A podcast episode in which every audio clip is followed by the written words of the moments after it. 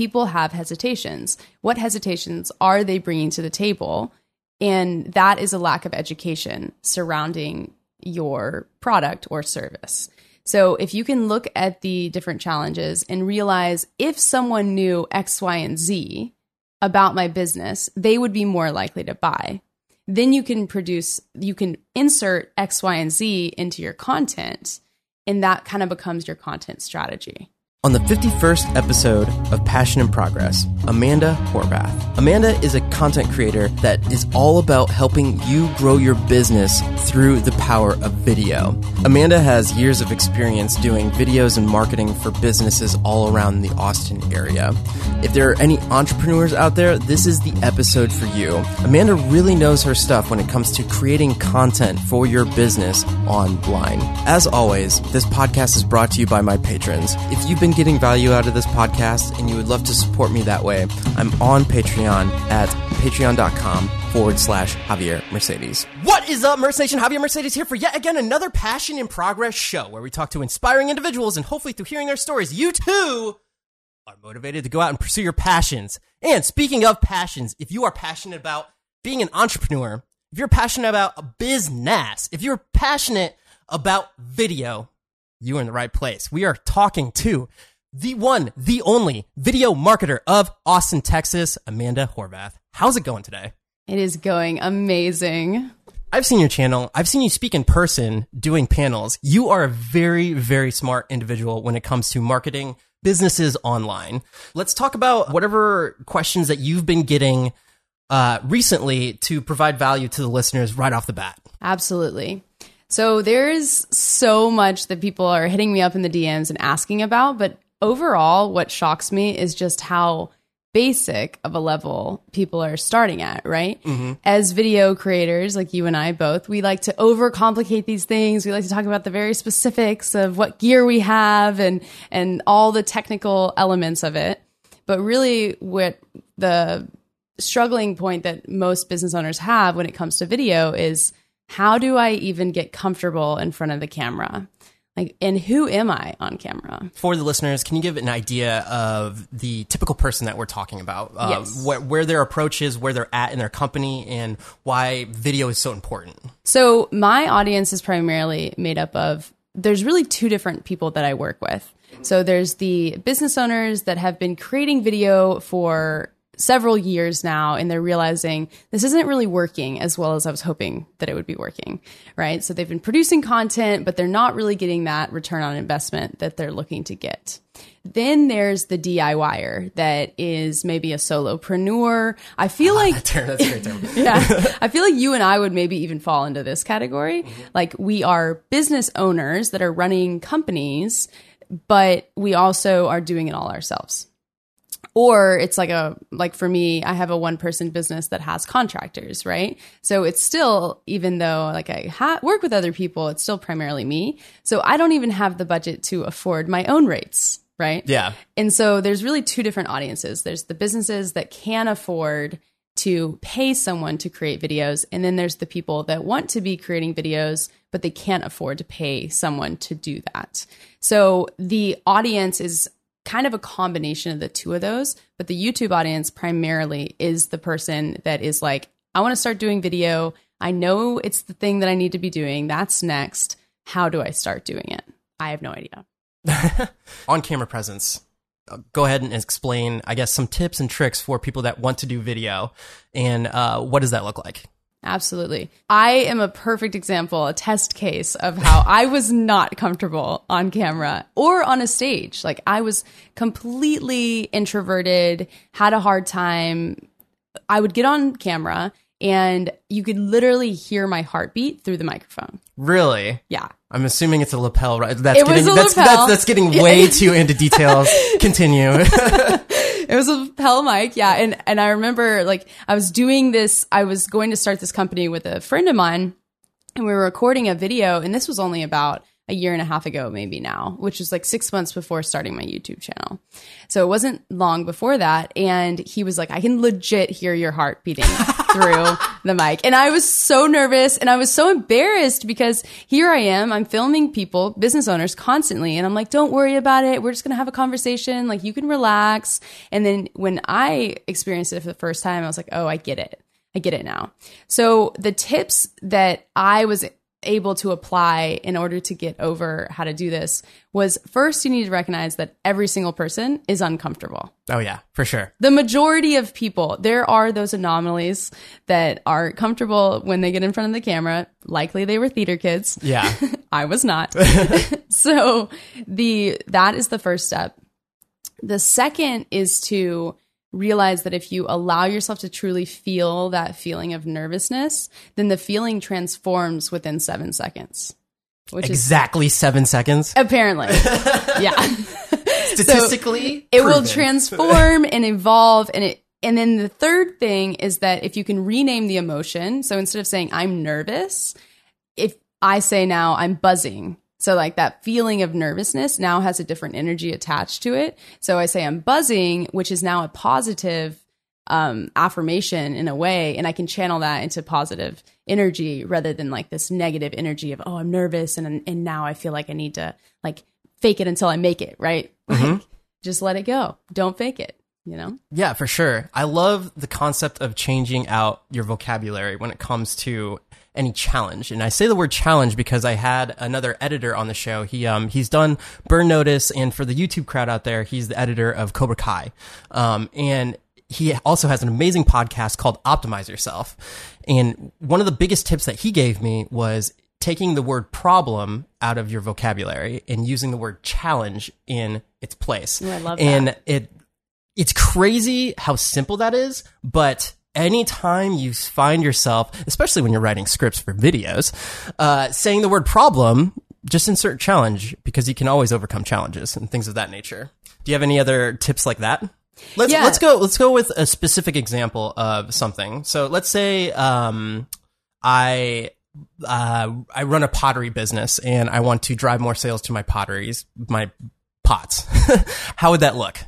I really think that the thing that people struggle with more than anything is knowing what to what the options are for how to what to create, right? Ooh, I love this angle. Yeah. So go, go I way. I always start there mm-hmm. with what kind of content can I create? And then from there, let's look at what struggles you're facing in business. Because really, marketing is kind of like a flashlight that you shine on your business that points out all the problems, challenges. It points out all the challenges. It'll be a through line throughout the podcast. Caught myself. yeah, I need to reframe that because I talk about problems a lot in business. So mm-hmm.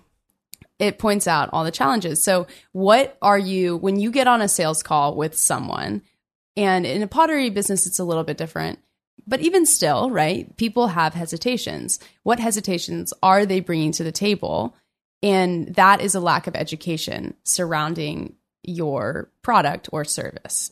So if you can look at the different challenges and realize if someone knew X, Y, and Z about my business, they would be more likely to buy.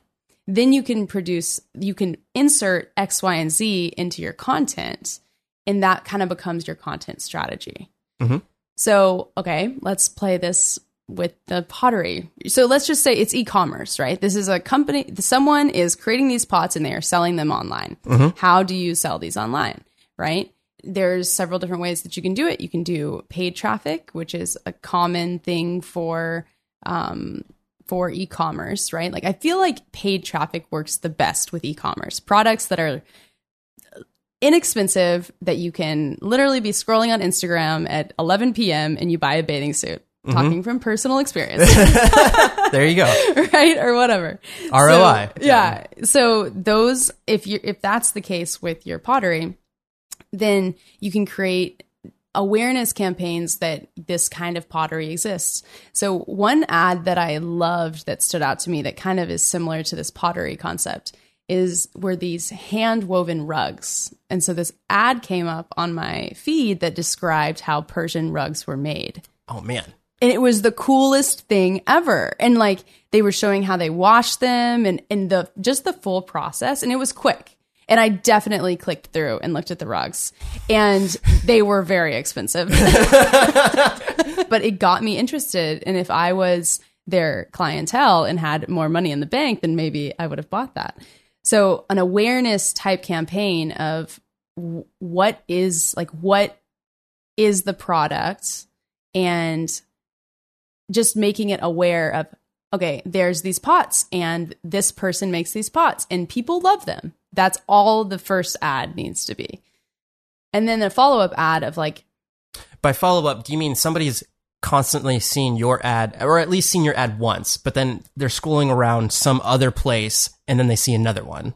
Right. So typically the way that it goes, I mean, we all have had it happen to us, right? Where we're scrolling and or we look something up and then suddenly now we're seeing ads for it on Instagram. Oh, my iPhone's going to have pots on it right now. Yeah, it, it will. It will. So that is a mystery and people it's still kind of out there whether or not that is real.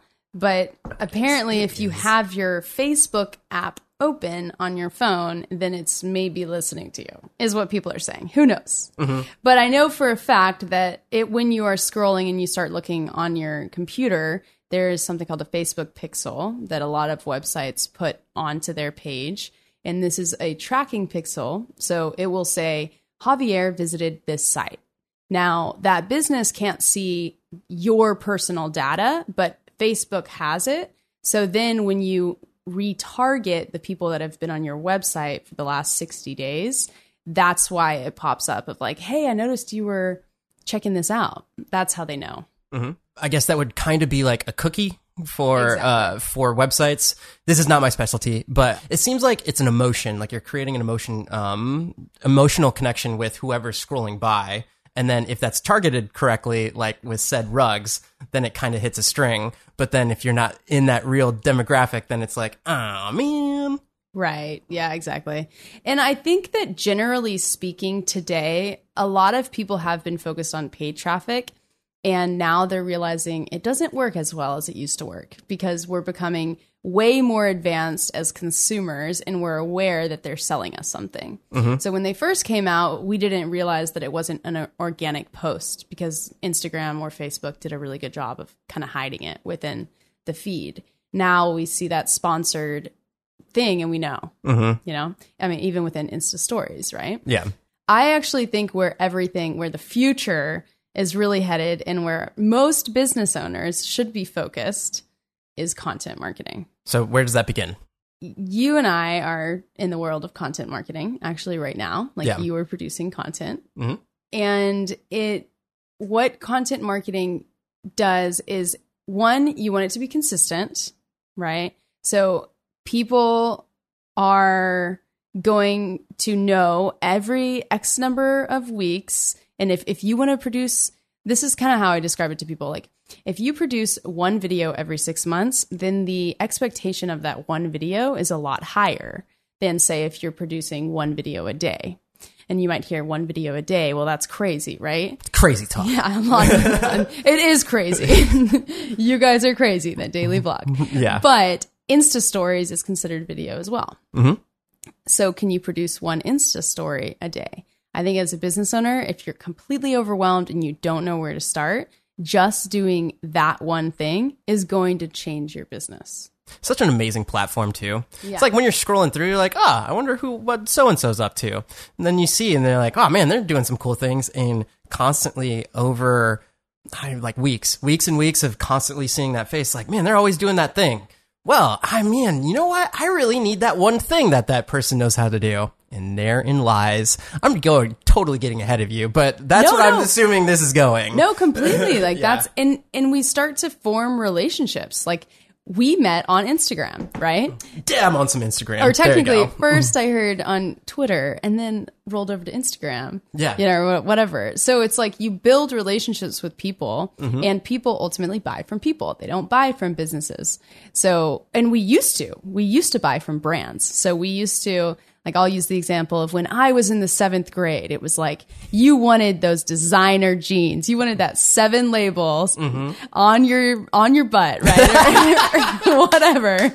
And then like for for guys, it was like you need those like Nike shoes or, or whatever. We were so loyal to brands, but now we buy these off-brand products and and and so you have to ask why. Like in the seventh grade, I didn't want off-brand jeans, but now I want to be different and unique, and I want to attach to. I want my money to be going somewhere that's supporting other entrepreneurs.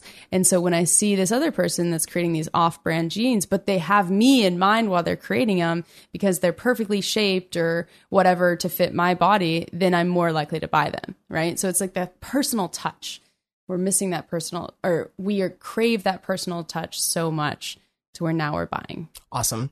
I want to I want to drive this point across for the listeners because uh, let's get into you specifically. What have you noticed by um because you're you're really diligent about posting your uh, Instagram stories, but what have you noticed about being consistent with Instagram stories?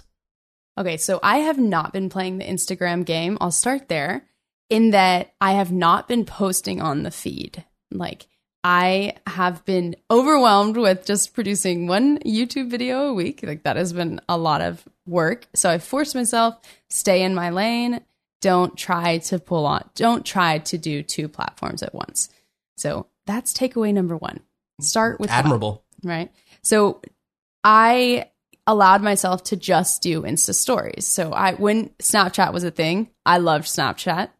And then everyone started disappearing off Snapchat, which made me quite sad because I, I enjoyed Snapchat, right? Uh-huh. So now I don't have anyone to talk to. now we're getting lonely. and therefore I'm no longer on Snapchat, right? Mm-hmm. But on Instagram stories, it was like on Snapchat, it was this personal connection, and I felt like I could control who saw it. Mm-hmm. While on Insta stories, it's like, ooh, I don't want 200 people to see me singing in the car, right? or whatever, like which I would do on Snapchat.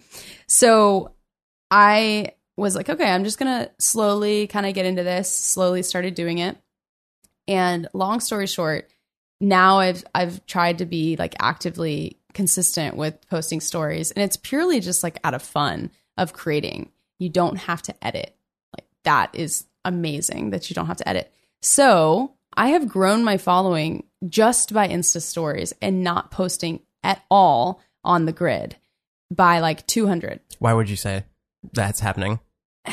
I've I've asked this and I'm like maybe what's happening I think one people are more aware that I exist in general because of the YouTube channel. So it's hard to like discount like it's hard to say it's just in this vacuum. If you just do Insta stories it will grow your following. Yeah. So it's kind of hard to say. But I haven't really been promoting it that much. I think when you tag people and then they repost on their stories, that automatically gets you followers too. Cause it's like, oh, who is this person that's hanging out with Javier, right? Like, I'm going to mm-hmm. click follow or whatever. Yeah. Check out if you like what you see.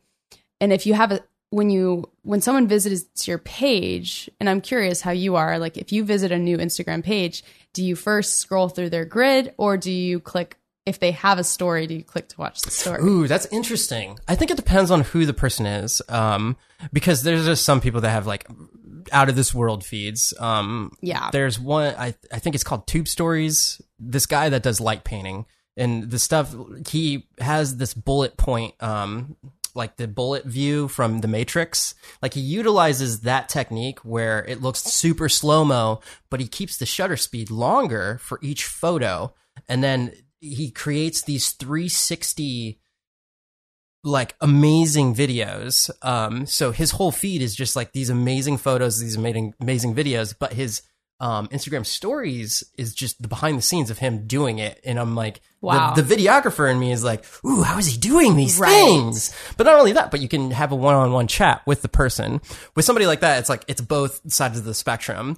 Now, obviously, with like with somebody like you, what I was going to say from my standpoint is because you're posting consistently on your stories and uh, most of the time you're either interacting with or doing something that's like relevant in my space you're always like top on my feed I think it would be word of mouth. I think I would be like, if I were out with some of my friends in Austin, Texas, and then we were talking about something, if I was um, out with any of my other creator friends and be like, oh, have you followed Amanda? She does this. And then all of a sudden you're like, oh, yeah, I know about that person. But it, I think the three things where you're doing YouTube, You're also doing um, the stories and then kind of like the word of mouth. But maybe what I'm talking about is an anomaly and it's more the posting and tagging people. I definitely think word of mouth is key.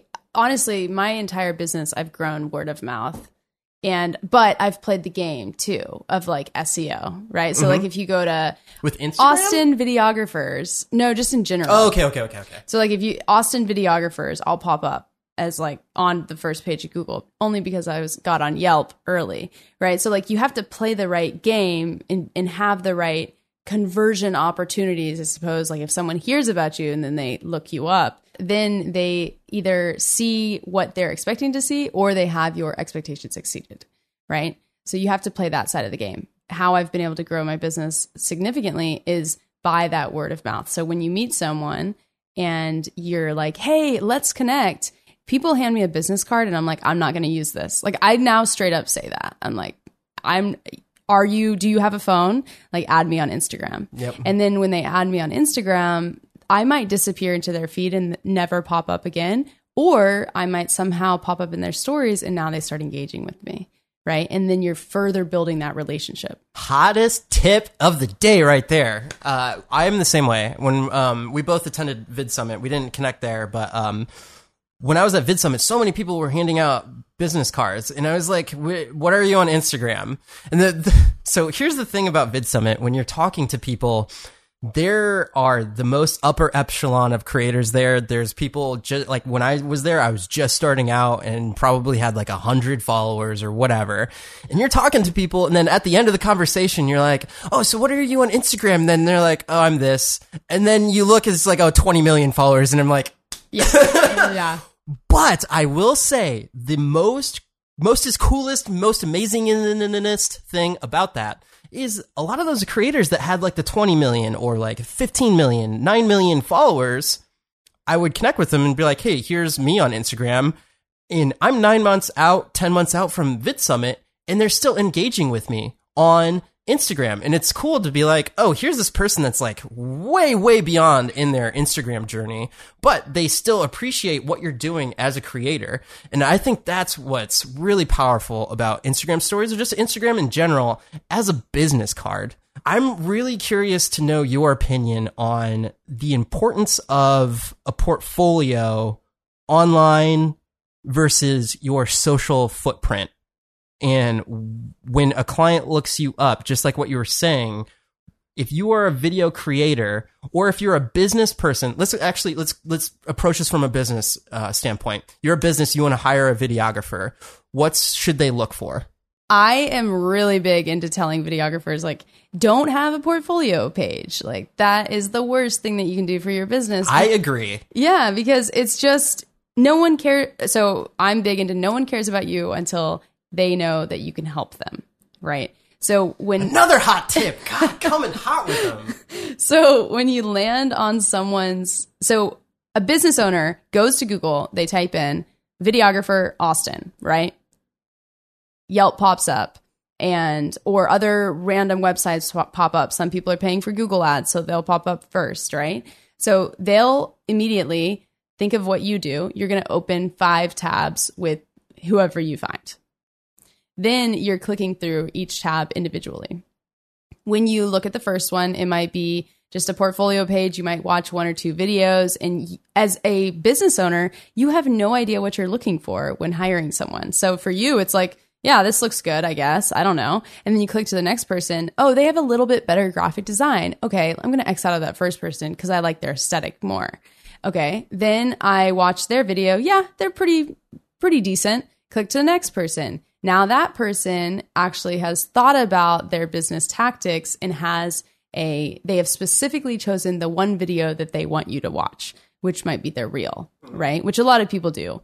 So they say what they specialize in, and then they have that reel. Okay, now I feel this person has told me that they specialize in X, Y, and Z. We specialize in creating videos for e commerce companies, right? Like that might be a line. And then they have their reel. Okay, cool. Well, I'm either an e commerce company and I reach out to you, or I'm not an e commerce company and I keep going. Then, say the next person has a brand video on their website that describes who they are, what their approach to video is. if when someone starts watching that and starts to see the person behind the business, that's when they really click in and they're really going to work, work with you. Ooh boy. So like early, early on, I think I attribute a lot of my success to like having it be me, a person, because businesses they don't they think when they see a business, they're like, oh, this is going to be too expensive for me to work with.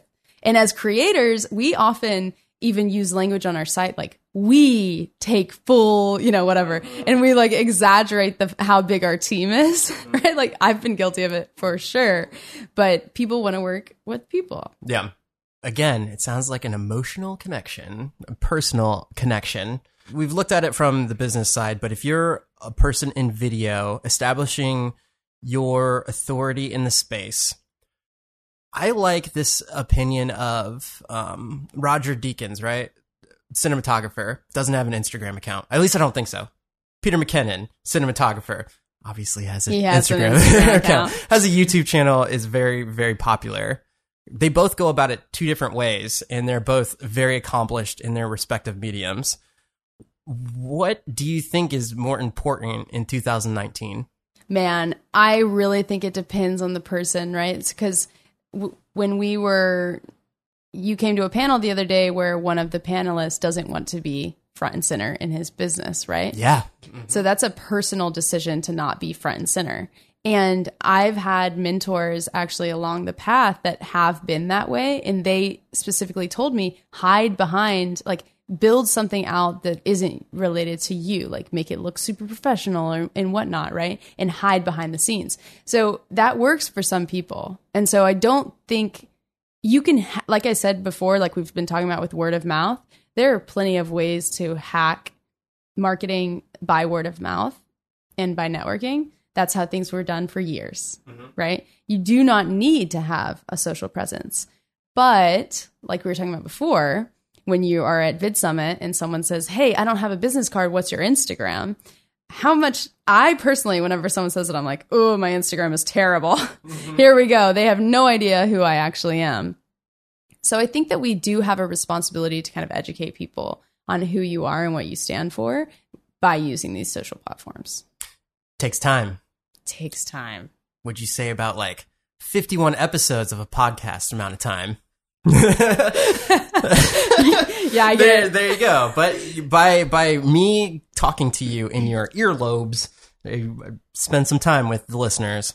I would be very curious actually, because I think at what stage, and this would be interesting probably for the audience too, and I don't mean to hijack this, but at what, how many podcasts mm-hmm. before you felt like people started to see you as a thought leader? Uh, you know what's interesting to me is, uh, you know, I'll relate this back to the Instagram account, right? Um, Obviously, a lot of my inspir- inspiration comes from Gary Vee and other people like him, the motivational speakers, even though Gary Vee doesn't really try and classify him as that, but he's there. In my own content, when I started out, in the very beginning, I was like, all of their content is them saying stuff about things or them giving motivation.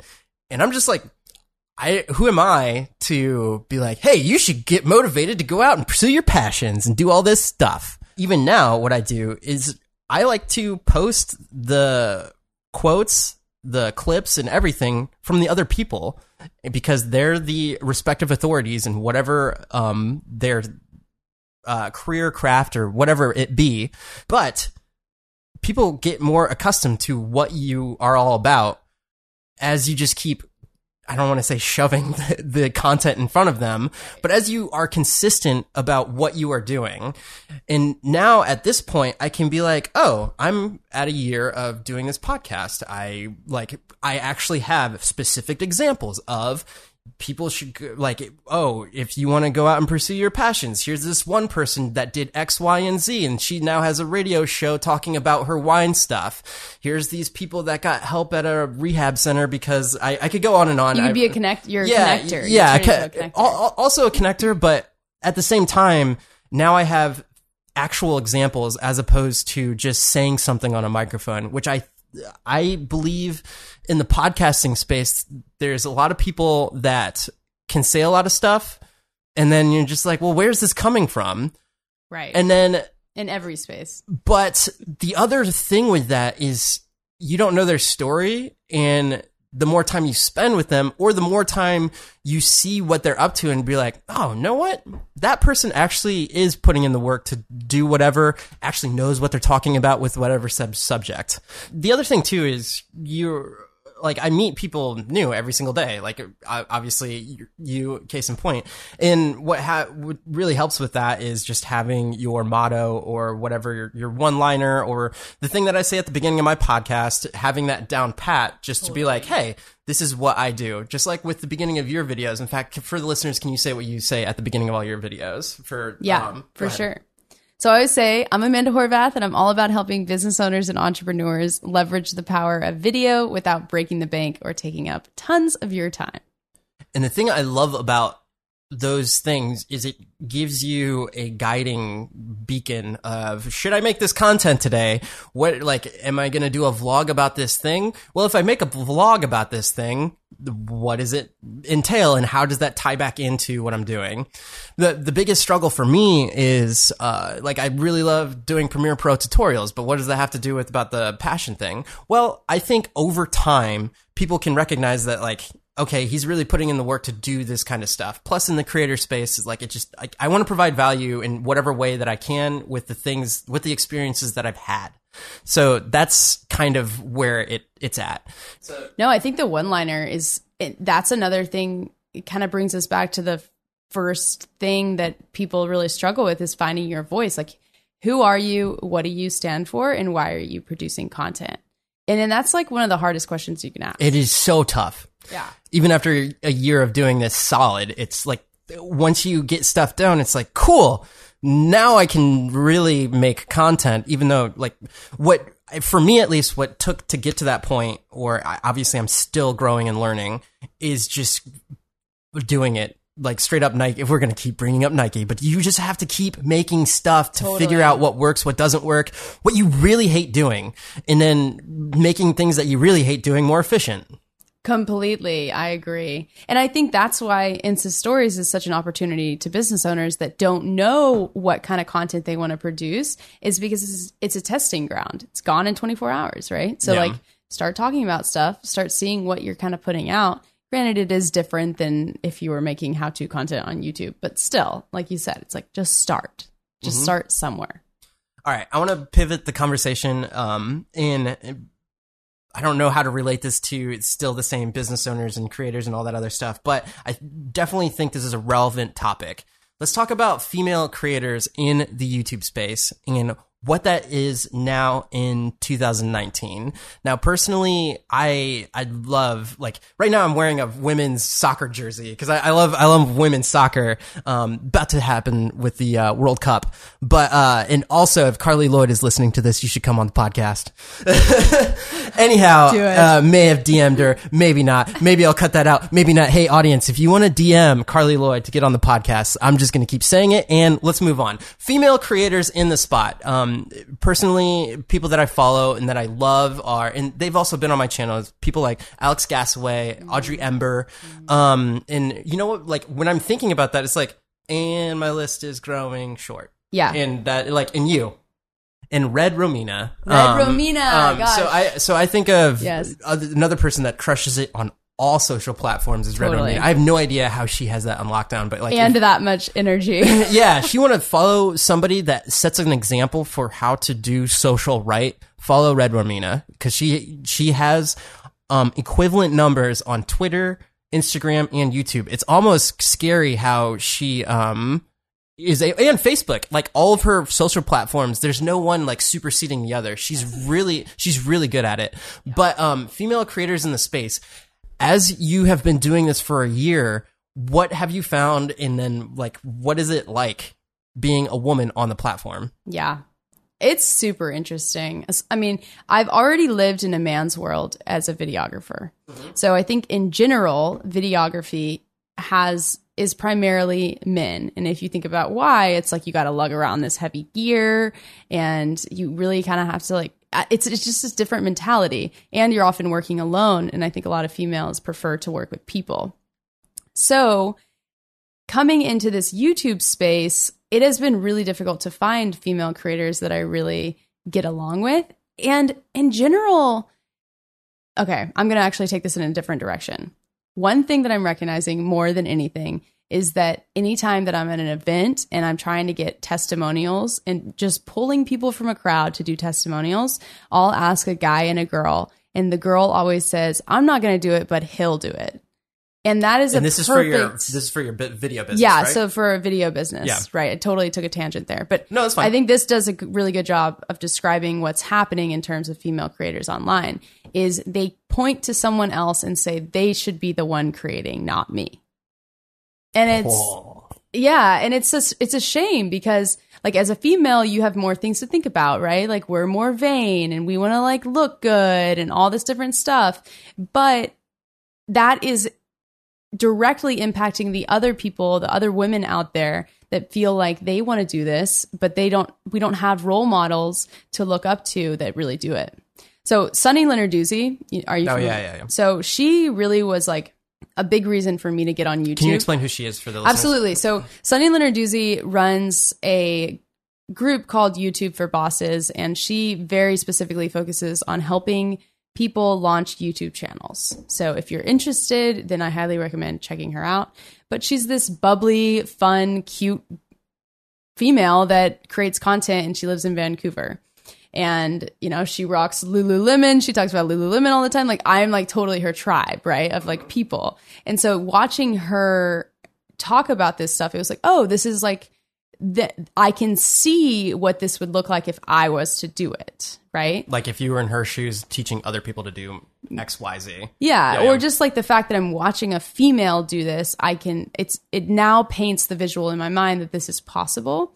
And so I just don't think that we have enough role models out there that are doing it. And so it takes someone to step out of their comfort zone, start talking about something that they feel like they have maybe imposter syndrome to talk about, but get out there and start talking about it and just start sharing. I just think we need more females on camera. You know what's interesting too is when we go, or like even at that panel uh, that we were at, I would, I, I want to say it was 50 50 that was there. I can't recall, but I mean, you were looking out into the crowd and it was a, it was a significant amount of people for an event like that. And I, I want to say it was like men and women. It was a perfect mix. Yeah. Yeah. So the I guess in my regard, when I look at your content on YouTube, I like everything that you're talking about that you're very much an authority in, like you know your stuff when it comes to cameras and especially with the experience of when you're referencing any like oh you should bring this light or you should use this kind of setup because of this one time when I did this one thing you can tell that you've lived through so much stuff to be an authority in that medium Lots of failures. uh, yeah, yeah, exactly.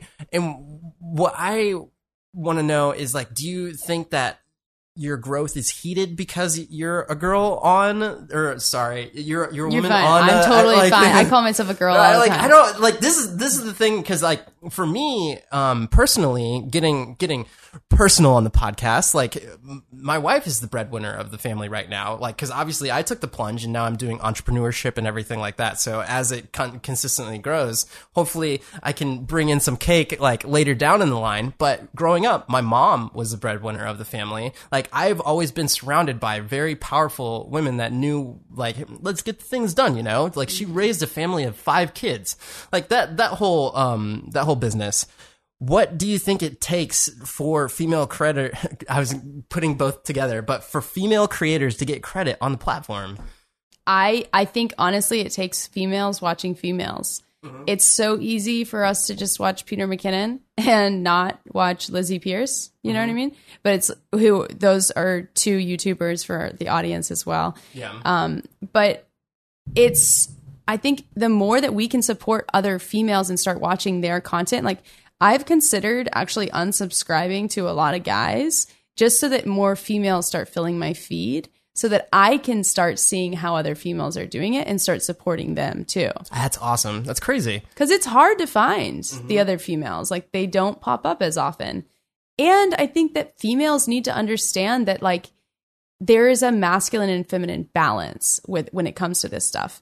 you have to play the YouTube game and that you got to create how to content. Like you can't just be cute and fun the whole time. Like you got to have like substance to your content as well as like so like the the cute and fun is like the feminine side right? And like the the flowy and you're just going to do whatever you want and turn on the camera and then the how is the masculine side. And so i think if they can just learn the system of what's happening on youtube and how to actually play the game properly then i think that we'll see a surge at that stage.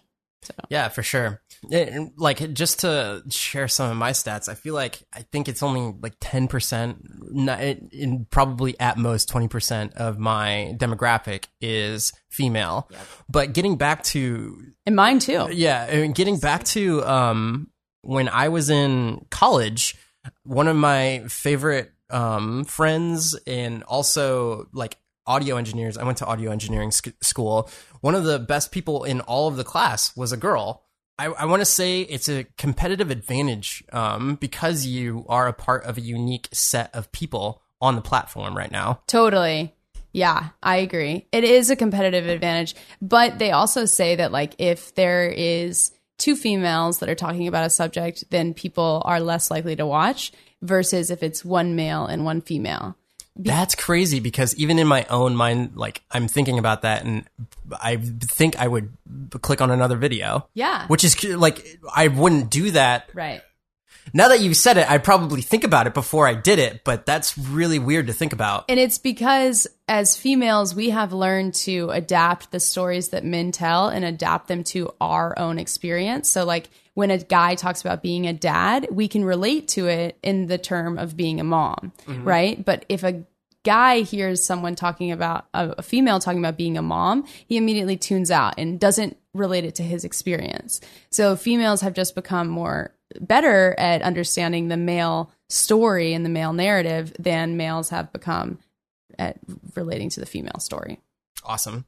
All right, so let's get into the creator space. If somebody wants to start doing creating today, they are they've made the choice, they want to start filming themselves doing whatever. Besides their on-camera presence, what's something that from your experience this whole past year, like give me something it could be something as simple as uh don't forget batteries to something more philosophical like mindset wise like what are some tips that you could give to people that want to create content I think the number one tip is to add it. I'm huge into affirmations.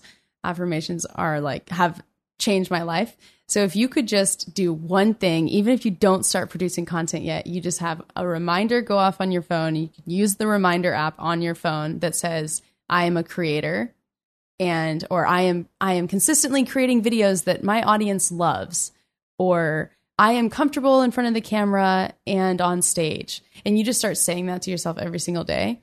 Eventually you believe it and you'll naturally start acting.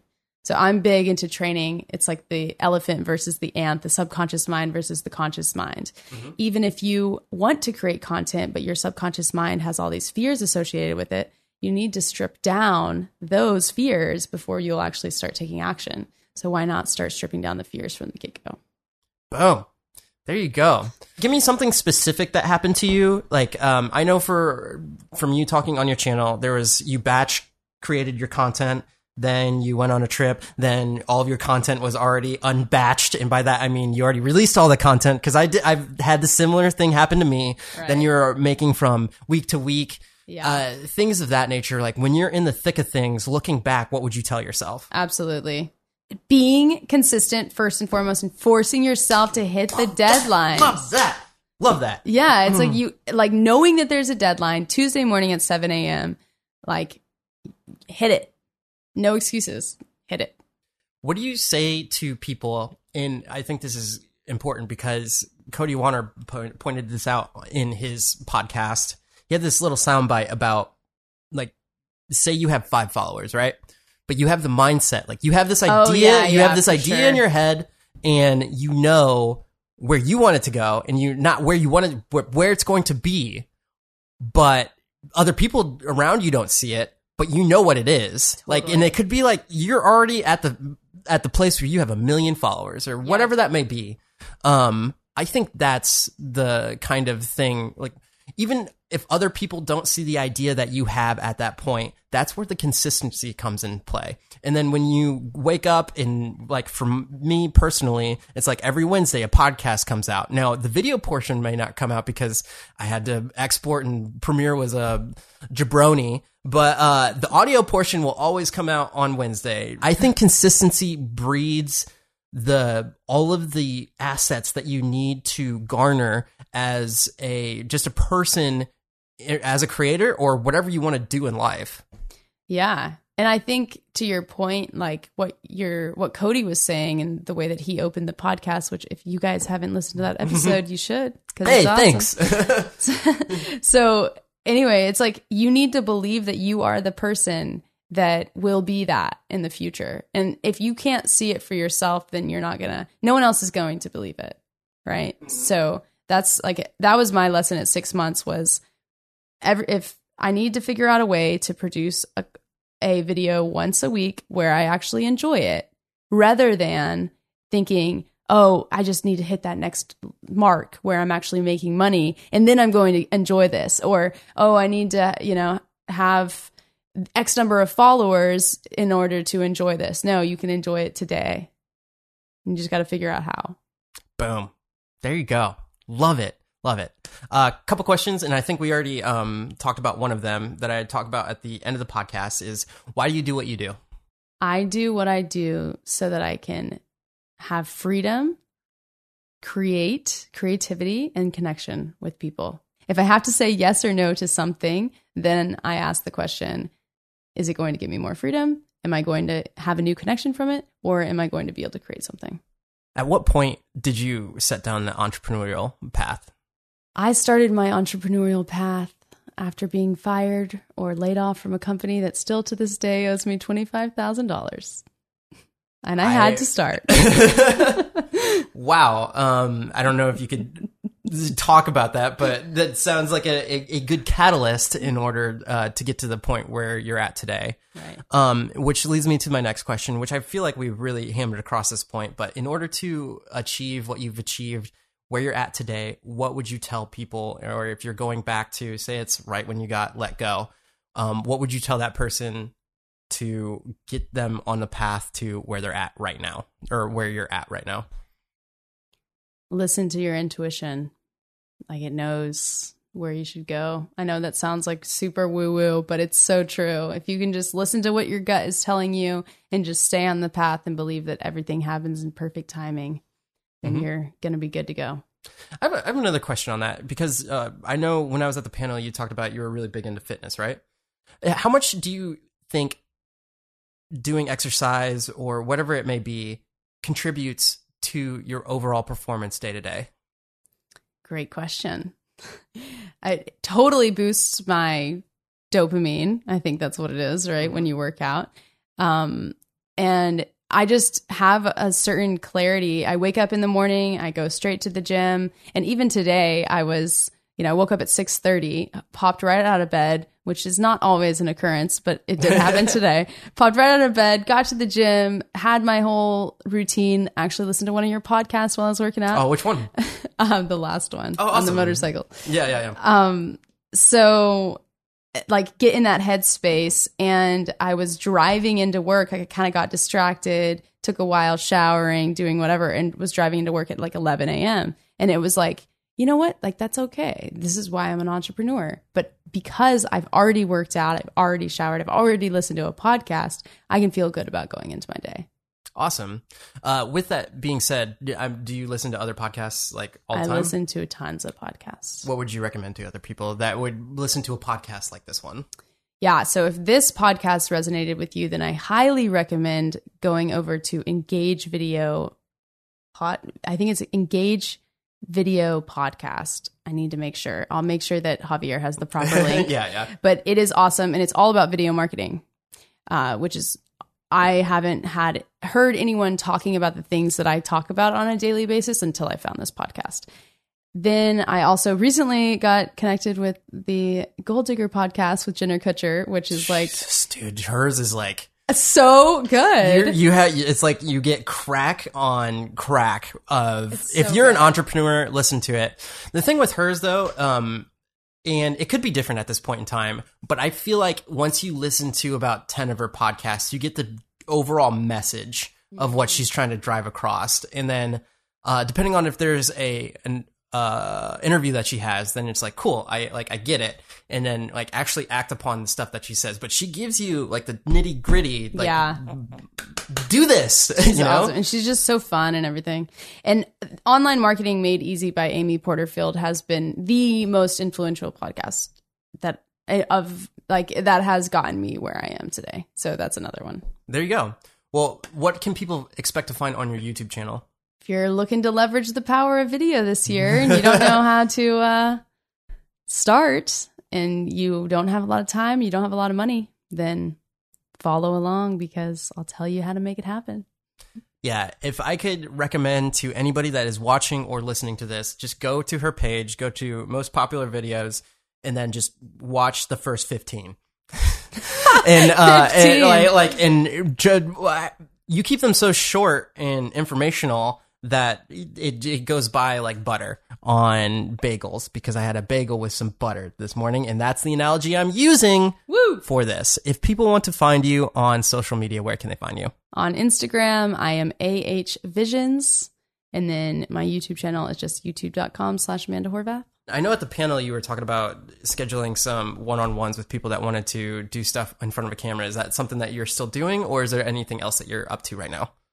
I am in a giving stage for sure. So if you hit me up in the DMs and you have questions that maybe this podcast spurred some ideas that you have and you are looking to just kind of pick someone's brain about them, then I might be down. So hit me up in my DMs on Instagram and if I have the time, I'll make it happen. yeah, if there's any businesses or people that are thinking about starting a business, any entrepreneurs, and case in point, I know my sister in law, um, Heather, she runs a conservatory out of Colorado, and a lot of the people that I have on the show, like marketers or anything like that, she's like, oh, let me pick up this idea. But I know from her standpoint, they're like, we, what's our budget for video? What do we do? And I know somebody with your skill set and the experiences that you've had, if somebody like her were to reach out to you, there would be so much an abundance of information that you would be able to parlay onto people like that. And especially if you are going into the landscape of I it's I assume paid trafficking and things of that nature, like what works with the script, what doesn't work with the script and here's from my experience all these different things. I'm totally making assumptions about this, but from viewing all of your content, I think it's true. all right. Yeah. So if you would like to tag me on anything with this podcast, I'm at Javier Mercedes X. That's J A V I E R. Mercedes, just like the car X. Until next episode, live a life of abundance. I'll see you guys on the next one.